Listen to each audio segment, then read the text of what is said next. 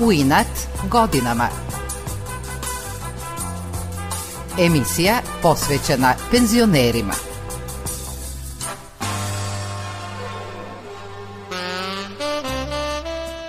Dobro jutro i dobrodošli na jutarnje druženje u emisiji U inat godinama. Novosađanin Sava Ostojin je penzionisani pilot i jedna od legendi aerokluba 1923 na Čeneju.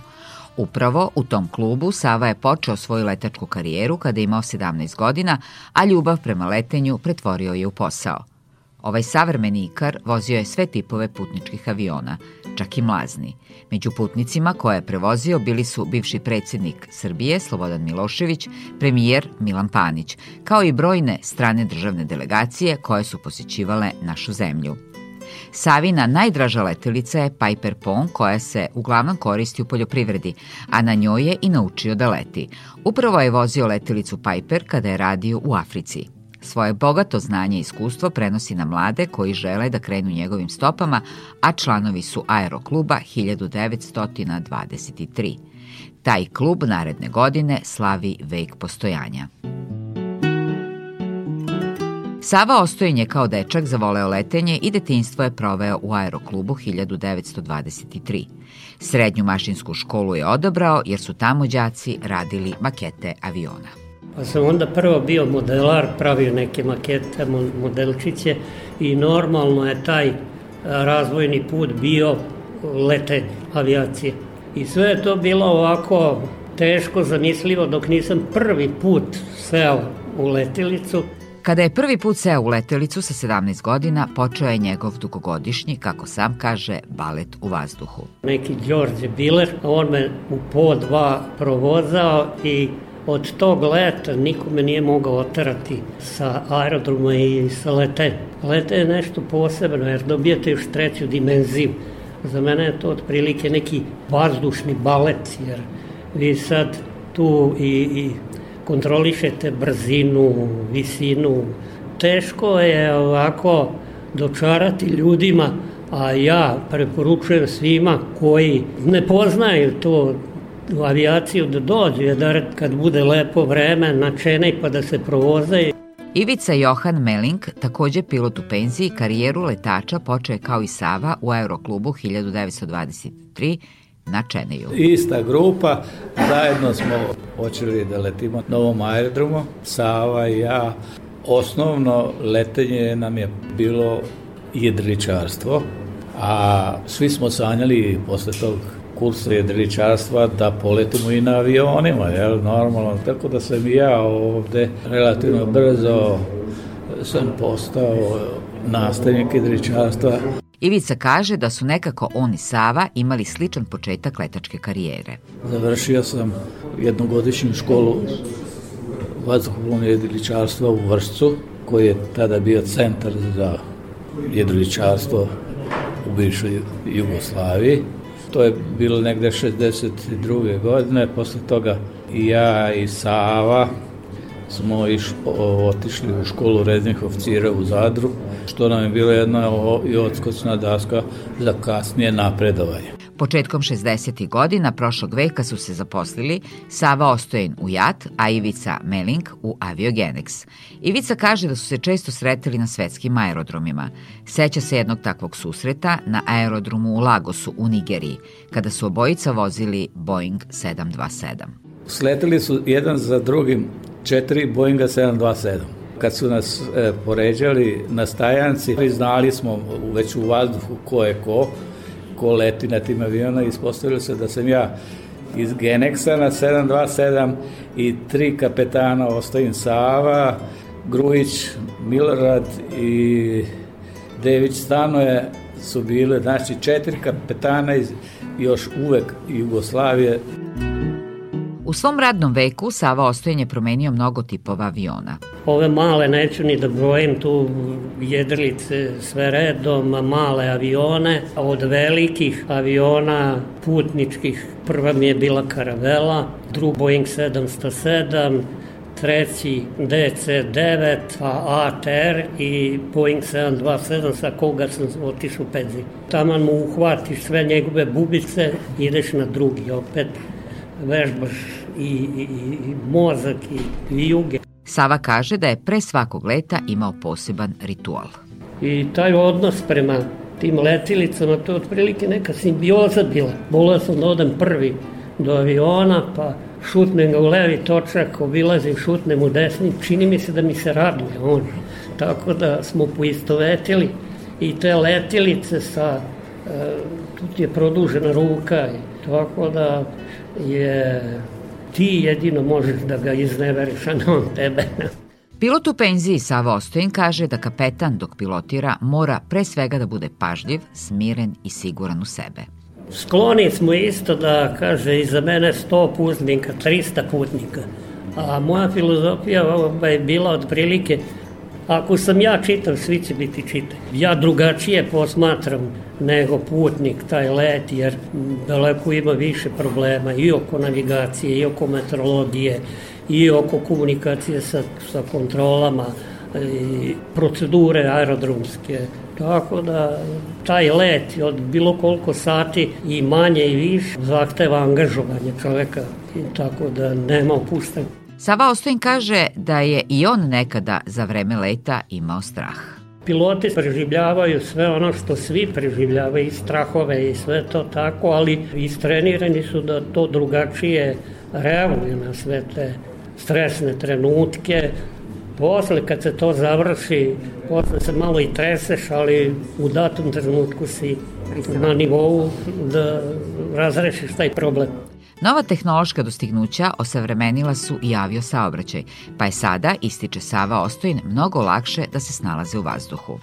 Sva ta navigacija, do duše sva tehnologija napredovala, a ranije smo navigirali pomoću običnih kompasa, sat, vreme, tako da je daleko bilo teže pronaći to mesto nego sad sa ovim GPS-ovima i to vodite ko bez nekih problema na destinaciju. Sava Ostojin je kao jedan od najboljih pilota u to vreme bio u prvoj postavi prevoza značajnih ličnosti. On je bio pilot koji je tadašnjeg predsjednika Srbije Slobodana Miloševića prevozio u Dejton, a premijer Milan Panić takođe je bio jedan od njegovih putnika. Ja ovako šalim se pa kažem, bio sam dvorski šofer što kaže, bio sam u toj prvoj ekipi, a prva značajna ličnost je generalni sekretar komunističke partije Kine, kad je bio dolazi ovamo, a posle su sređali ovi naši državnici tako da smo s njima leteli. I piloti su skloni, ja pa ja. Međutim, to nije jedan čovek koji radi taj posao, nego tu je ceo kokpit, pilot, kopilot, ako ima treće člana, flight inženjer, kabinsko osoblje, bez toga ne može. Tako da je to sve jedna ekipa. Deo letačke karijere gradio je u Africi. U Africi sam bio u više navrata. Tamo smo sa poljoprivrednom avijacijom prvo prskali pamuk, a posle sam kompanija nas iznemljivala sa avionom, pa smo radili saobraćaj putnički za u pojedine zemlje i tako da smo praktično bili po celoj Africi. Sviđa mi se više nego Amerika. Afrika opet je priroda druga i ja sam voleo da se družim sa lokalnim življem i tako da, da mi je to daleko interesantnije bilo nego restorani i neki urbani zabave. Ljudi su divni, gostoljubivi, Radeći u Africi, Sava se često radovao kada vidi ptice selice, podsjećale su ga na njegovu zemlju i dom. Sa poljoprivrednim avionom sam radio dole u Sudanu i te moje radosti kad su počeli roda i laska da dolaze, ovaj, ko rod rođenje. I zamislite tamo negde o, ispod kartuma i tu te naše ptice, pitanje da li su to, da li su one severnije, nije ni važno, ali ko roda rođenog da sam vidio Iako je pilotirao najkomplikovanijim novim tipovima aviona, njemu najdraža letelica je Piper, na kojoj je i naučio da pilotira. Ima ovde ovaj, neki Piper Pony, taj mali jednosed sa kojima sam uh, preletao dole do Kartuma u Afrika. On je poljoprivredni avion, nosi 500 kila, aerodinamički je jako dobro rešen. On je čigr. Ja ne volim avione koje su recimo forsiraju se te cesne. Za mene je to babski avion. Ono dodaš gas, on poleti, pa. skineš, on sleti. A ova je tražio i ruku, i tehniku pilotiranja i onda a školovali smo se na takvim avionima, neki Aero 3 liči na, na tog Spitfire, stvarno je divna letjelica. Sava kaže da među pilotima postoje nepisana pravila, a koja mogu da spasu život. Jedno od njih je da kada se dogodi incident ili kvar na letelici, pilot sedne na šake razmisli, analizira i onda preduzmi akciju. Jer ono kad se brzopleto uradi, ruka refleksno uradi nešto što je van potrebnih radnji. Dešavalo se da otkaže jedan motor, a u brzini piloti nekad isključe i zdrav motor konkretno na Tajvanu što je Atera doživeo udes, otkazao im je motor i oni su ugasili zdravi i svi su izginuli. Savin život i letenje, užitak mu je bio i kao poslovna obaveza. Ja i ne znam da li sam uopšte i radio, jer sam ja, kad god sam išao na posao pod znacima navoda, ja sam išao da se zabavljam. To sam i voleo iznad svega i svaki let je za sebe interesantan, ima svojih problema koje rešavaš u, u hodu i to je to. Pilot Sava Ostojen penzionisao se 2002. godine i kada se vraćao kao putnik za svog poslednjeg leta Boeingom 707 iz Kuvajta, sreo je svog prijatelja iz mladosti Vladimira Batu Hajdfogela, nekadašnjeg muzičkog urednika našeg radija. Vlada je imao veliki strah od letenja, a kako Sava kaže, on je uspeo da ga oslobodi. I pošaljem si Ardesu da ga pita ili ono Bata poglica. A on se toliko prepao stisao onaj naslov, članci mu poveleli i samo klimno glavom kad ga je ona pitala, rekao, Bato, sad ćemo mi tebe osloboditi. Ajde, malo viski, a tamo razgalio se Bata, izvadi on harmoniku, kad je putnici čuli, svi na grnuše tamo slušaju Bata. Sad se protestuje stewardess, kao ne mogu da rade, tu je bife, a kao idite vi nazad tamo u red. Opet tamo masa krenula. Sad ovi iz kokpita, kao samo daj napred, kvari znači nam balans i tako. Taj let od Kuvajta, par sati, stvarno bio divan. Naravno, Sava Ostojin i kada se penzionisao nije napustio letenje. Posle penzionisanja aktivan sam u aeroklubu, malo letim jedilice, malo avione ove male, tako da ispunim svoje slobodno vreme i na kraju krajeva i da prenesem neka svoja iskustva mlađim kolegama. Sava Ostojin je kao pilot bio uzor mnogim mlađim generacijama. Jedan od njih je profesionalni pilot u direktorijumu civilnog vazduhoplovstva Nenad Stojanović.